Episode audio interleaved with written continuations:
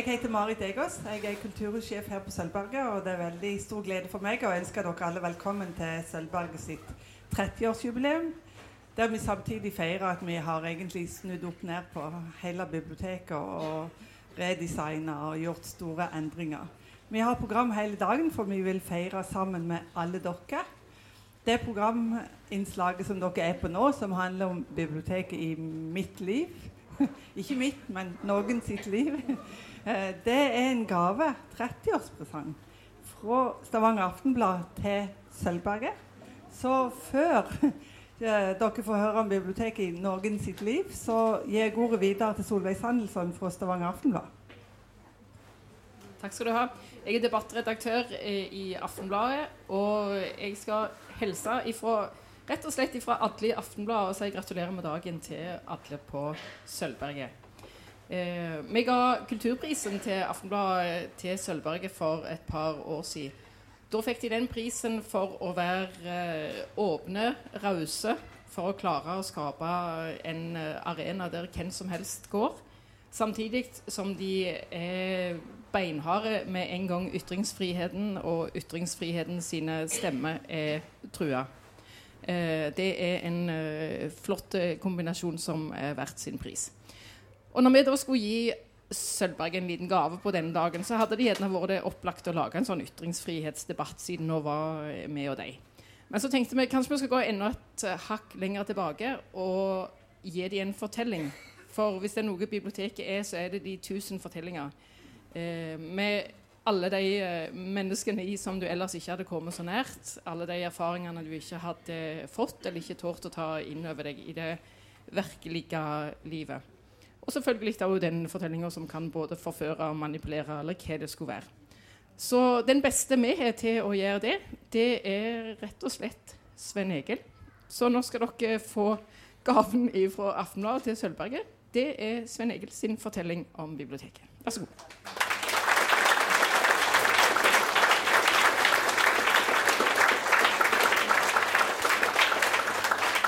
Takk, takk. Um, uh, når jeg var liten og var på bibla, så fikk vi ikke lov å hoste. Um, jeg tror vi får lov nå, men jeg ber om unnskyldning hvis jeg um, hoster. Det er november, og det merker jeg. En klar høstdag for noen få år siden så var vi to familier som sto samla ved foten av Huangshan, Kinas hellige fjell. Fra toppen av dette fjellet så skal kineserne sin mytologiske stamfar, den gule keiseren Huang Di, ha steget opp til himmelen. Nå hadde vi gå, tenkt å gå i hans fotefar, i hvert fall et stykke på vei. Huangshan er en fjellkjede hvor den høyeste toppen rager 1864 meter til værs. I dag går det flere svevebaner opp til hotellene og utkikksplattformene mellom toppene, men vi hadde bestemt oss for å ta trappene. Over 60 000 trappetrinn er støpt eller hogd inn i granitten opp de bratte fjellsidene. Vi hadde valgt ei rute som var 8,5 km lang. Hvor mange tusen trinn det utgjør, det fikk vi aldri talt. Men idet vi skulle sette foten på det første trinnet, så var det en i selskapet som utbrøt. Lurer på hva han tenkte, han som for 1500 år siden gikk i gang med å hogge det første trinnet her. Jeg så opp mot den høye himmelen og mot den nesten like høye toppen foran oss og kjente at jeg visste svaret. Det var en følelse jeg sjøl hadde hatt da jeg tolv år gammel ble innvilga lånekort på Voksenbiblioteket i Stavanger. Ærefrykt er et forsiktig ord for det som fulgte meg da jeg for første gang sto i døråpningen til den høye glasskatedralen, det som i dag er bystyresalen i Stavanger. Det var bøker langs de store veggene, det var bøker på den brede mesaninen og bøker i høye reoler på stramme geledd over hele det voldsomme gulvet. Jeg sto en stund ganske overvelda. Så ble jeg fulgt av den samme besluttsomheten som må ha grepet den ukjente kinesiske steinhoggeren. Jeg sa til meg sjøl, som han må ha gjort, det er bare å begynne. Jeg dreide til høyre rett innenfor døra og greip den første boka på den øverste hylla innerst i hjørnet. Livet var ennå langt. Det var god tid til å jobbe seg systematisk gjennom rommet. Hylle for hylle, reol for reol. Før eller siden så ville jeg ha lest alt. Og det var målet. Takket være strukturen i Deweys klassifikasjonssystem så var det litteraturen om andre verdenskrig som sto innerst i det høyre hjørnet. Jeg gikk derfor løs på skildringene av blodveien, flukten fra Dakar, erindringene til Max Manus, Churchills store historie om krigen som han vant helt alene, og de grufulle skildringene fra Treblinka, Sachsenhausen og Auschwitz. Systematisk jobbet jeg meg fra bok til bok, og jeg var vel kommet en meter eller halvannen i gang når jeg oppdaget at prosjektet mitt var helt nytteløst. Det kom bøker inn der hvor jeg allerede hadde vært. Noen kom inn fra utlån, andre var nyinnkjøpt. Biblioteket var ikke et statisk system, frosset i tid. Det var en dynamisk organisme. Et foranderlig univers som bøkene vendte tilbake til etter at de hadde vært ute og gjort sin gjerning. Uansett hvor mye jeg leste, eller hvor lenge jeg levde, så ville jeg aldri kunne si at jeg var ferdig. Det var en deprimerende erkjennelse. Seinere har jeg forstått at kunnskap er ei øy midt i et hav av uvitenhet. Jo større denne øya blir, jo større blir òg samtidig strandlinja mot uvitenheten. Jo mer du leser, jo mer vet du hva du ikke vet. Jeg oppdaget òg at systematikk, å lese hele biblioteket fra høyre til venstre, antagelig ikke var den beste strategien. Det fins et ord som beskriver hvordan et bibliotek bør brukes. Ordet er 250 år gammelt, og vi har det fra engelsk. En januarmorgen i 1754 så satte forfatteren og adelsmannen Horace Walpole seg til skrivebordet for å skrive et brev til en venn. Horace Walpole, sønn til statsminister Robert Walpole, var kjent som den største brevskriveren i sin tid. Mye av korrespondansen hans er bevart, bl.a. det brevet han skrev denne morgenen.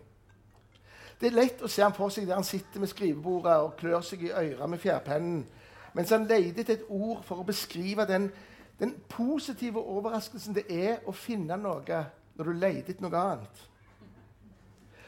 Walpole henta inspirasjonen sin fra et gammelt eventyr som heter The Three Princes of Serendip.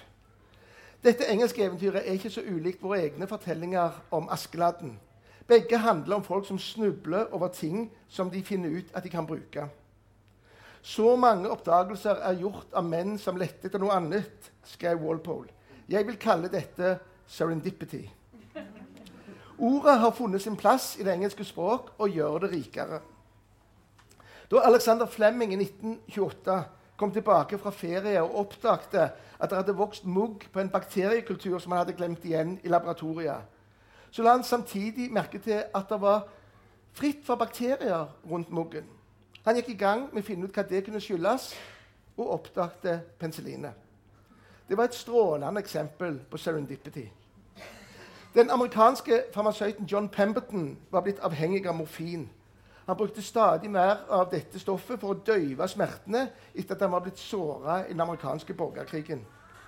Etter hvert skjønte han at han måtte finne et alternativ til dette veldig sterke middelet og begynte å eksperimentere med et stoff som han utvant fra kokkaplanten. I 1886 var han kommet fram til en karamellfarga og søt væske som han tilførte kullsyre, tapte på flasker og solgte for 50 øre. Verdens mest kjente merkevare, Coca-Cola, var et utslag av serendipity. Når du går mellom hyllene på et bibliotek på jakt etter ei bestemte bok om et emne som du allerede er opptatt av, og så plutselig blir stående og bla i ei annen bok om et helt annet emne som du ikke visste at du interesserte deg for. Da er du offer for denne fine formen for serendipitet. I den første fasen av puberteten så var jeg som eh, kanskje de fleste gutter mest interessert i hvordan jenter så ut innenfor boblejakken. I bildebladene Nå og Aktuell, som vi kunne lese på tidsskriftsavdelingen på mesaninen på biblioteket, så var det noen forlokkende annonser for noen briller som hadde den evnen at du kunne se gjennom klær med dem. Dette var, som dere vil forstå, i tida før Forbrukerombudet. Men selv om vi drømte om å eie et sånt par briller, så var vi livserfarne nok til å ane at de kanskje ikke ville holde det som annonsene lovte. Da var det mer pålitelig informasjon å hente i alle bøkene om menneskets forplantning. Ved det som jeg oppfatta som et helt lykkelig sammentreff, så hadde Deweys finurlige system og biblioteket sin innretning, innredning ført til det heldige resultat at disse bøkene, inkludert Carl Evangs håndbøker i seksuell opplysning, befant seg i det aller innerste hjørnet, skjerma for pinlig innsyn fra bibliotekarene. På jakt etter stadig dypere innsikt i dette emnet, den kvinnelige kropp, så gikk jeg en dag på baksida av reolen og fant Simone de Beauvoirs 'Det andre kjønn'. Jeg greip boka, jeg må vel si begjærlig. Men skuffelsen over at den ikke var en detaljert beskrivelse av det andre kjønns gleder, veik etter en stund eh, plass for en stigende nysgjerrighet for de Beauvoirs tanker om forskjellen mellom kjønnene. Det var tungt stoff. Men når jeg siden i livet aldri har hatt noe særlig problemer med å kalle meg feminist, så skyldes det ikke minst denne serendippe opplevelsen på Stavanger bibliotek mot slutten av 1960-tallet. Ikea har jo siden gjort god butikk på akkurat det samme fenomenet. Du går inn for å kjøpe ei lita skohylle av noen telys, og to timer seinere må du leie tilhenger for å få med deg alt. Biblioteket er åndens Ikea. Det er et sted hvor du bør gå deg vill mellom reolene. Hvor du bør oppdage noe fint som du egentlig ikke var på jakt etter. Og hvor du bruker mye lengre tid enn du egentlig hadde tenkt. Derfor er det viktig at det fins lett tilgjengelige varehus for bøker. På samme måte som det gjør for skohyller og kjøkkenskap. Det er imidlertid ingen selvfølge at det fins et bibliotek nær deg. Tvert imot så blir det stadig sjeldnere. Jeg var til stede da boka mista eh, og den trykte skrift mista sin enerådende stilling på biblioteket. Vi bodde trangt hjemme, og siden bokhyllene våre bare inneholdt de samla verkene til Bjørnstjerne Bjørnson og Elias Kremmer, pluss året i bilder fra 1952, så ble jeg en bibliotekunge. Mesteparten av den tida som skolen og fotballen ikke tok, tilbrakte jeg blant bøkene, enten på skolebiblioteket på Storhaug eller i det store tempelet til bøkenes pris i Kleiva.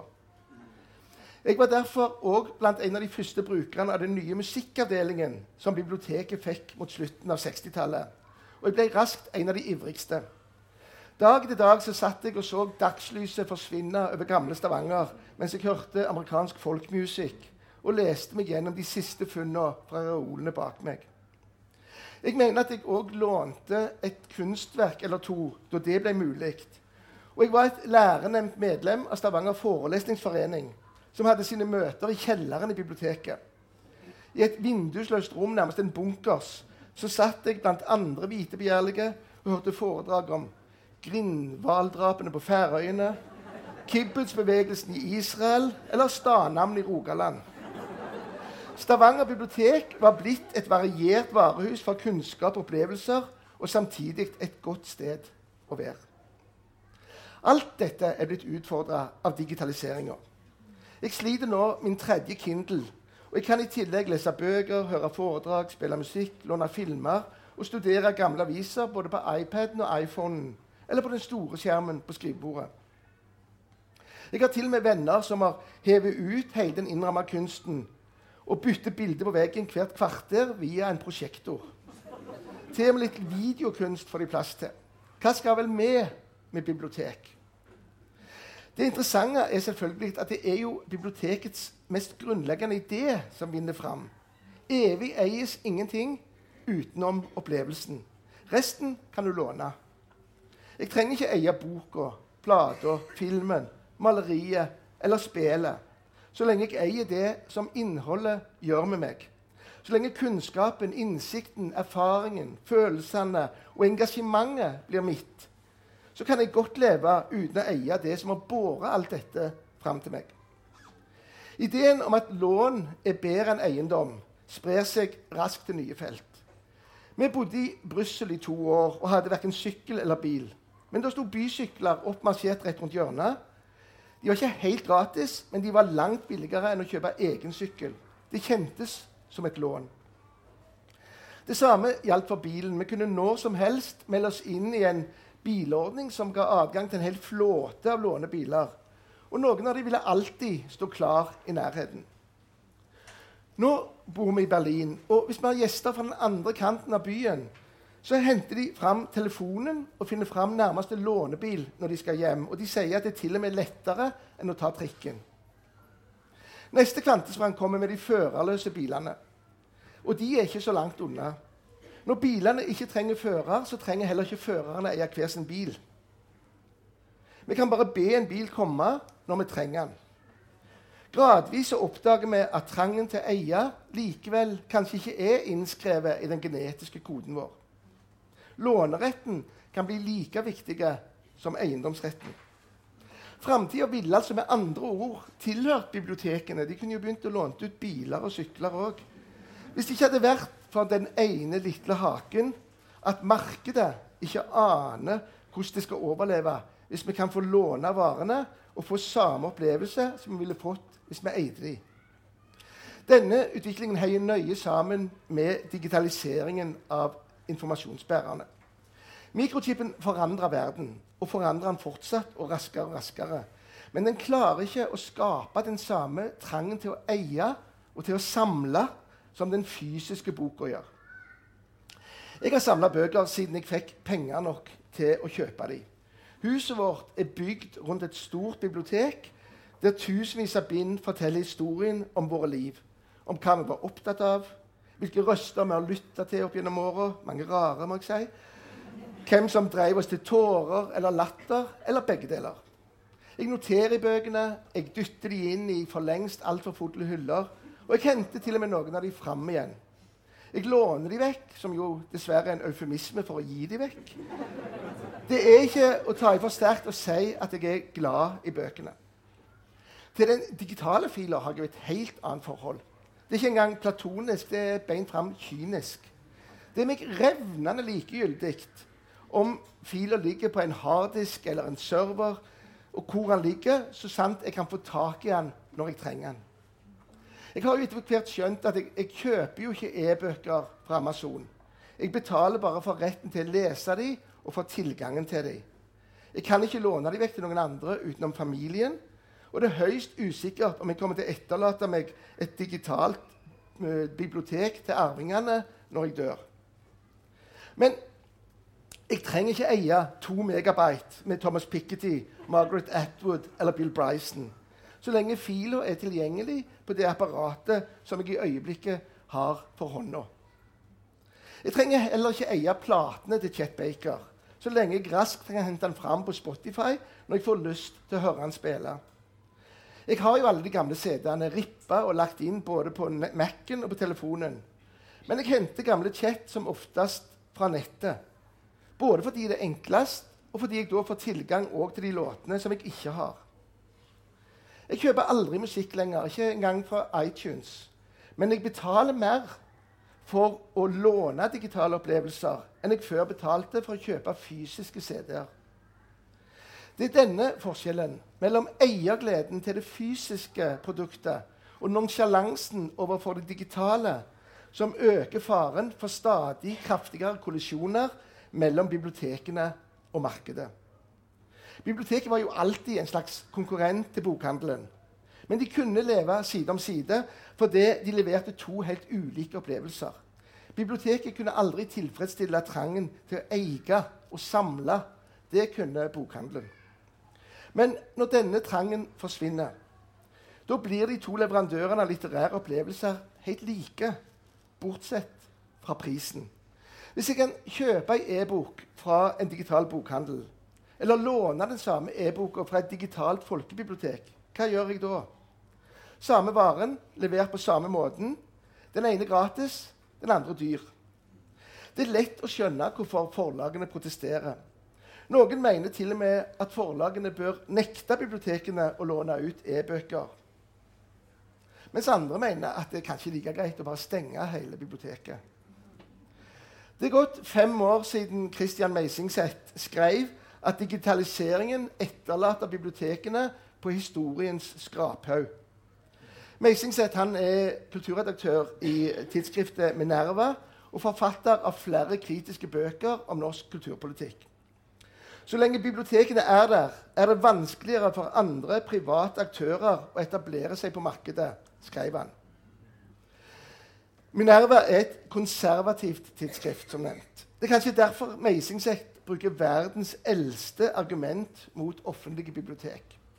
Du kan nesten høre hvordan en konservativ egypter for 2000-3000 år siden fnøys av det nymotens påfunnet nede i byen. Hvorfor skal noen kjøpe pergamentrullene hvis de kan rusle ned til biblioteket i Alexandria og låne det gratis? Meisingset var heller ikke grundig nok orientert om de nye trendene i avfallshåndteringen. Vi hiver ikke lenger verdifulle ting på skraphaugen. Vi resirkulerer dem og gjenvinner dem. Ideen om biblioteket er laga av edelt metall. Derfor kan vi ikke lempe bibliotekene på historiens skraphaug. Vi må finne ut hvordan vi kan bruke dem på en klokere måte. Fordi vi blir et fattigere samfunn hvis vi ikke har dem. Avisene opplever akkurat det samme som bibliotekene. Digitaliseringa truer den gamle modellen. Og det er vanskelig å finne ut hvordan journalistikken kan overleve konkurransen fra Facebook og Google. Men fordi boka er mer motstandsdyktige mot digitale erstatninger, så har bibliotekene bedre tid enn avisene. Og nettopp tida det er bibliotekenes største håp. Moores lov den sier at datakraft per areal dobles hvert andre år. Annethvert år så får du dobbelt så mye datakraft for samme pris og i samme volum. Loven ble lagd i 1965 av Gordon Moore, som var en av Intel sine grunnleggere. Og hittil har han fått rett. I 1965 så inneholdt en typisk databrikke 60 enheter. 60. På den siste prosessoren til Intel er det 1,7 milliarder transistorer. Men det finnes ingen Moores lov for tid. Den tida som er tilgjengelig for den enkelte, det danner seg egne meninger om samfunnet når arbeid og hjemlige plikter er unnagjort. Har riktignok økt en god del siden 1965, men vi bruker jo mesteparten til å se på løgne katter på Facebook. I dag så har vi tilgang til alt. En, en Masai-kriger i Kenya med smarttelefon, og det har faktisk masaiene, har tilgang på mer informasjon enn Bill Clinton hadde da han var president i USA. Men òg på savannen i Kenya så har bare døgnet 24 timer. Verken Masaien eller vi andre har tid til å ta, mer, ta til oss mer enn den mikroskopiske del av alt vi har tilgang til. Vi stikker små sugerør ned i den kunnskapens flod som strømmer forbi, og suger til oss noen få dråper her og noen få dråper der. Men denne samme datakraften gir oss stadig nye steder å stikke dette sugerøret. Enten sosiale medier, søkemotorer eller digitale aviser og tidsskrift fra hele verden. Så hvorfor trenger vi da bibliotekene i tillegg? Jeg sier som professor og forfatter Jon Bing og spør om vi trenger bibliotekene nå som det finnes så mye informasjon. Avdekker omtrent samme innsikt som å spørre om vi trenger veikart nå som det har blitt så forferdelig mange veier. Det enorme tilbudet av informasjon er jo ikke et argument mot bibliotekene. Det er et argument for bibliotekene. I en stadig mer kompleks informasjonsvirkelighet så er det et økende behov for noen som finner fram, velger, pakker og presenterer. Vi trenger flere journalister, og vi trenger flere bibliotekarer. Men hva skal vi da kalle den gruppa som de fleste av dere tilhører, som skal motta disse pakkene? Enten det er fra mediene eller fra bibliotekene. I avisa i gamle dager så pleide vi å kalle dem for leserne. og Det var ganske fint. Nå tror jeg de omtales ofte som brukerne. Men det deprimerende ofte blir de òg omtalt som segmentene. Og spesielt det unge segmentet er veldig populært. Norske avishus er fulle av møterom der menn og noen få kvinner dessverre, Altså ikke dessverre at de er der, men dessverre at de er så få. I alderen 40 til 60 år diskuterer hva det unge segmentet vil bry seg om i morgen. Jeg antar at bibliotekfolk sliter med akkurat det samme. At de blir trukket med i strategidebatter der lånerne blir omtalt som brukerne. Hvis vi ikke klarer å få tatt livet av den ulykka hos et New Public Management, så vil de snart bli omtalt som kunder. For hele hensikten med New Public Management er jo å gjøre det offentlige til en variant av det private næringslivet. Og gjøre oss alle enten til leverandører eller til kunder. Jeg har derfor som en motgift lyst til å løfte fram et annet begrep som dessverre er gått litt av moten. Jeg gjør det med en viss frimodighet, for jeg oppdaget at Kulturutredningen gjør akkurat det samme. Den snakker òg om oss alle som borgere. I Norge så bruker vi ikke borgerbegrepet slik amerikanerne gjør. Kanskje er dette ordet litt for stort for oss. Men jeg synes at denne hemninga kan vi godt overvinne. De oppgavene til de offentlige institusjonene blir mye tydeligere når vi legger til side kundebegrepet og igjen snakker om borgerens behov og borgerens rettigheter. Jeg ble derfor gledelig overraska da jeg fikk tak i bibliotekplanen for Oslo kommune fra 2014 til 2018 og så at den hadde fått tittelen 'Borgernes bibliotek'. På side 3 står det til og med at byrådets ambisjon er å gjøre det klart at biblioteket er til for borgerne. Dette fromme målet det var skrevet i kursiv for sikkerhets skyld. Men hvis biblioteket ikke skulle til for borgerne, hvem skulle det da være til for? Det er alltid grunn til å være mistenksom når folk begynner å utheve selvfølgeligheter. Jeg velger derfor å tolke denne kursiveringen som en erkjennelse av at biblioteket hittil har vært for innadvendt. For opptatt av sin egen organisasjon og for lite av borgernes behov for å bli informert, berika, engasjert og provosert. Og på kveldstid, og i helgene, og i nærmiljøet. Så hva kan da bibliotekene gjøre for å utvikle oss til bedre borgere? Til ansvarlige deltakere i det fellesskapet som vi kaller samfunnet. I stedet for å gjøre oss til kravstore og passive mottakere eller sinte kunder. I Kulturutredning så står det at bibliotekene bør være en arena der forskjellighet møtes hvor bakgrunn, kultur og meninger brytes. De bør være et alternativ til den digitale homogeniteten, der folk bare søker sammen i selvforsterkende menings- og kulturfellesskap. Det er jo så, også sånn, skriver utrederne, at biblioteket på mange måter har endra rom, har endra rolle fra å være rom for individuell fordypning til å være rom for aktivt fellesskap. Det fysiske biblioteklokalet har kvaliteter som ikke uten videre kan erstattes av digital distribusjon av informasjon. Den sosiale møtestedet for alle representerer en kvalitet som må utvikles, står det. Teksten er åpenbart ment som en påminning om at det digitale fellesskapet det er løst, det er flyktig, mens det fysiske er mye mer varig og mye dypere.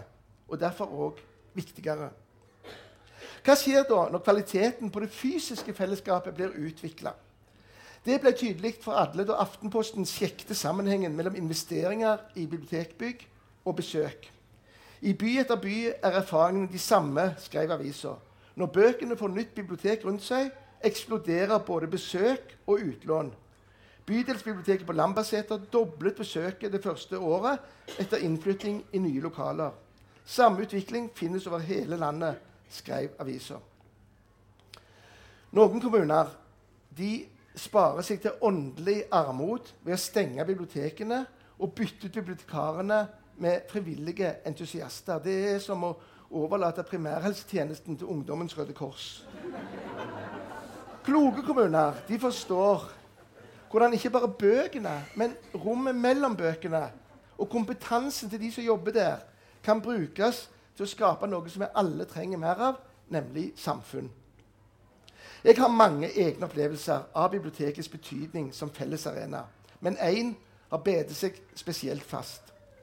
En oktoberdag for noen år siden så tok jeg buss nummer 43 fra Islington nord i London og opp gjennom de lange og dryge bakkene til Fryan Barnet, som er en av de mange små landsbyene som danner en ring rundt storbyen. Barnett er en del av London, men livet der ligner mer på en hvilken som helst landsby oppe i The Midlands. Litt fin og litt sliten.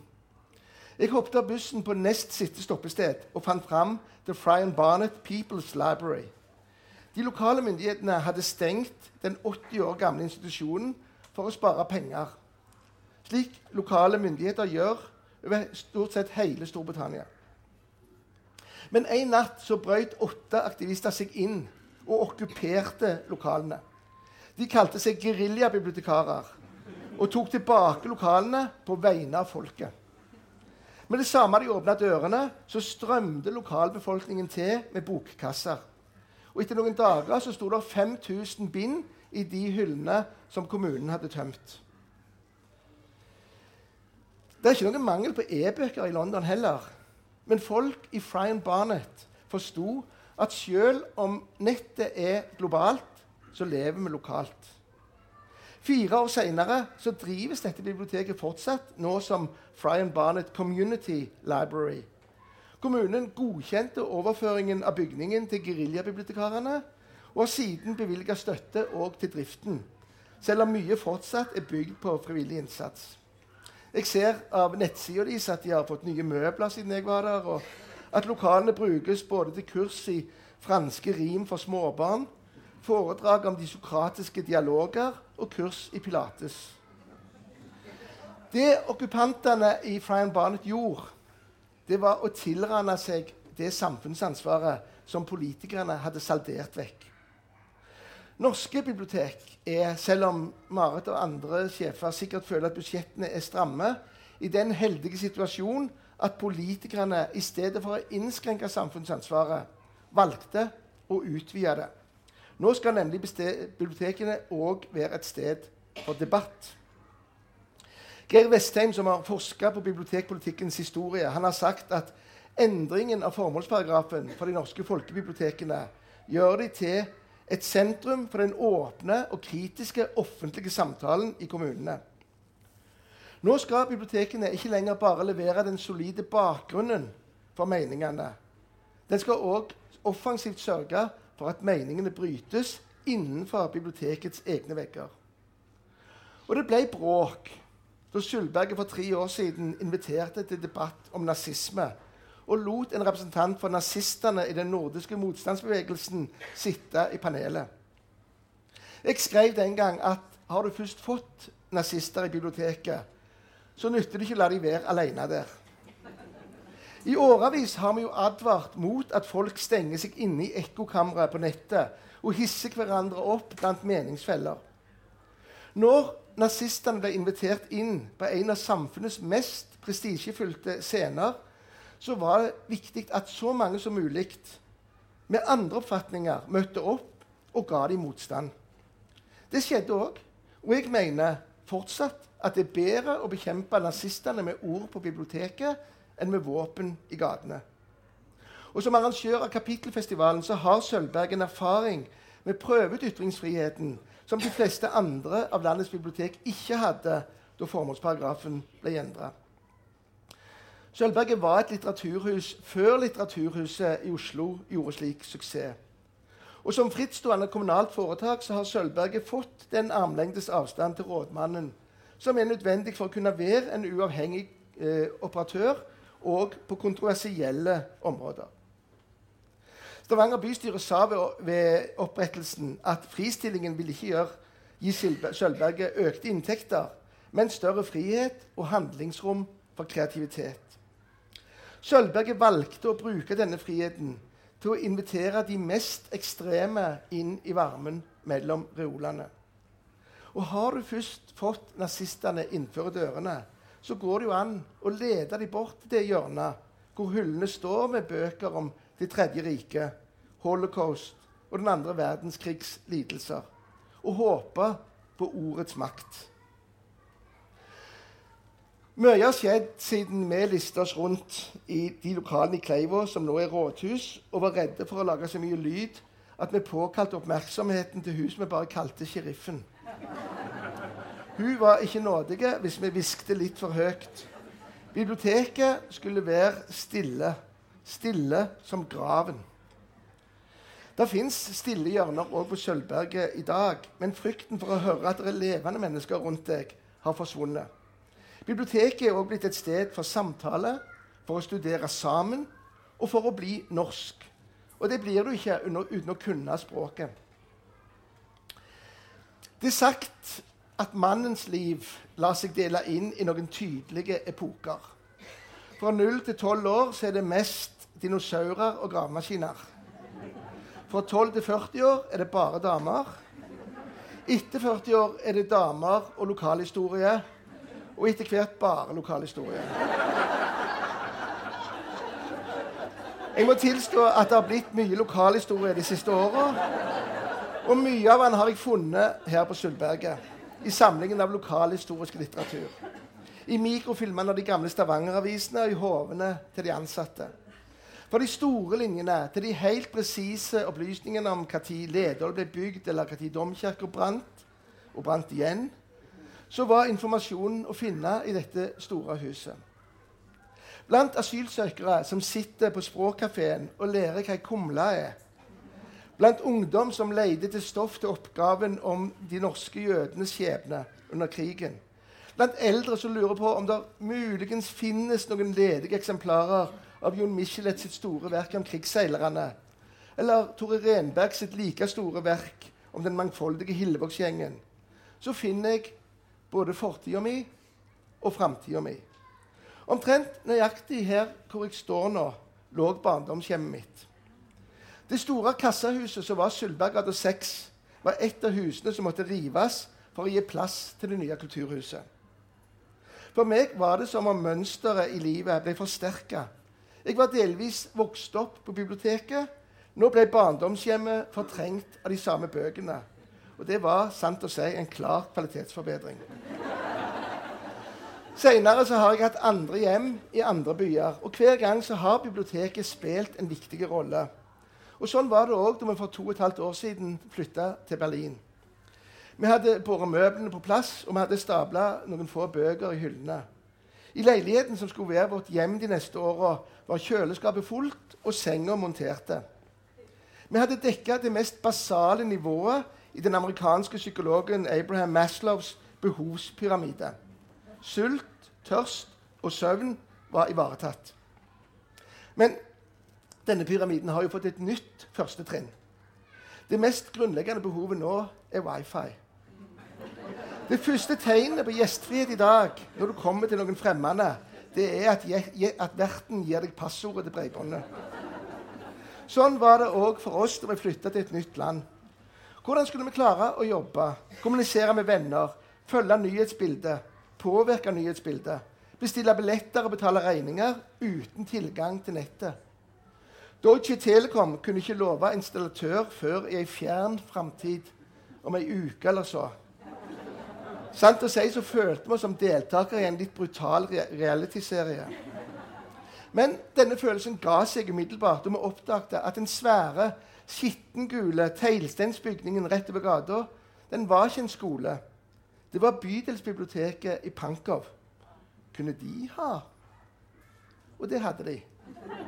Tyskkunnskapene våre var ennå ikke på et nivå hvor, vi, hvor det frista å låne Thomas Manns Buddenbrooks 'Verfall einer Familie'. Men det var en lise å sette seg ned mellom reolene, slå inn passordet som den blide bibliotekaren hadde skrevet ned på en liten lapp, og etablere kontakt med resten av verden. I statistikken til folkebibliotekene i Berlin så vil vi bli registrert som noe annet enn lånere. Ennå har vi ikke lånt en eneste av bøkene deres. Men er vi mindreverdige deltakere i bibliotekets fellesskap av den grunn? Var det juks å bruke biblioteket til noe annet enn å plukke de tyske klassikerne ut av hyllene? Sånn kan bare den tenke som ikke har vært på biblioteket siden kartotekskuffene og stempelputene sine dager. I dag er lånerne bare én av de mange gruppene som strømmer til bibliotekene. I tillegg kommer de studerende, de varmesøkende, de kontaktsøkende, de foredragssøkende og altså de wifi-søkende. Biblioteket er blitt så mye, men én ting er det ikke blitt. Det er ikke blitt overflødig. Her på Sølvberget så lærer innvandrere norsk fordi de får snakke med oss som allerede kan dette løgna språket. Samtidig så lærer vi at de nye blant oss har de samme behovene både for kunnskap og fellesskap som vi har. Biblioteket blir ei bro. Norsk bibliotekforening skrev for en stund tilbake til integreringsminister Sylvi Listhaug og mintene om at folkebibliotekene er et terskelløst tilbud for integrering i norske kommuner. Det er veldig fint formulert, men det er ikke helt sant. For det fins terskler òg på bibliotekene. Både den geografiske plasseringen, hvor det ligger i forhold til der folk beveger seg og bor, og arkitekturen påvirker hvor høy denne terskelen er. På Sølvberget er terskelen nesten ikke-eksisterende. På gamle Deichmanske i Oslo er han skyhøy. Du må opp mange trappetrinn og gå inn i gamle saler for å komme inn i det fellesskapet. Derfor er det et helt annet liv her på Sølvberget enn det er i det største folkebiblioteket i hovedstaden. Hvis denne terskelen systematisk blir høvla ned når gamle bygg renoveres og nye bygg oppføres, så øker bibliotekets muligheter til være en av de viktigste arenaene for møter, ikke bare mellom menneske og litteratur, men mellom menneske og menneske. De eldre kommer til biblioteket alene i ni av ti tilfeller. Det viser den store brukerundersøkelsen ved Norske bibliotek som ble gjennomført i fjor. Hvis det er riktig, så må det være en fin utfordring å sørge for at de kan treffe andre og kanskje forlate biblioteket sammen med noen. 860 000 nordmenn bor alene. Biblioteket kan være et sted hvor de ikke bare henter kunnskap, men òg fellesskap.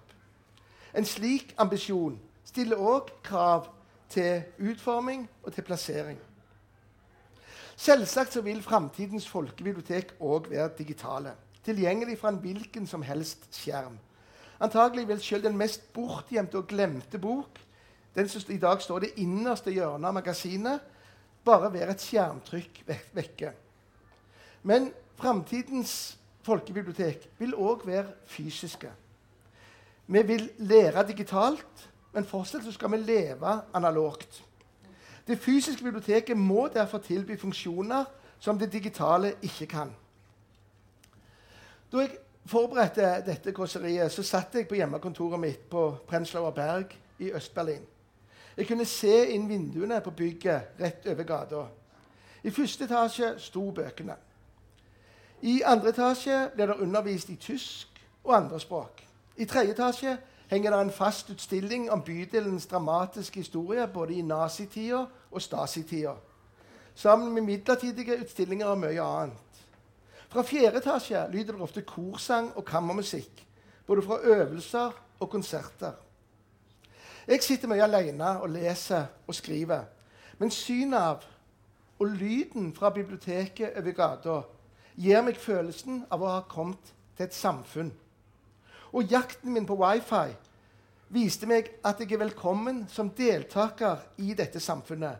Til å lære om dets historie og bidra til dets framtid. Dette er folkebibliotekenes store rolle. Og derfor har de aldri vært lenger unna skraphaugen. Takk for oppmerksomheten.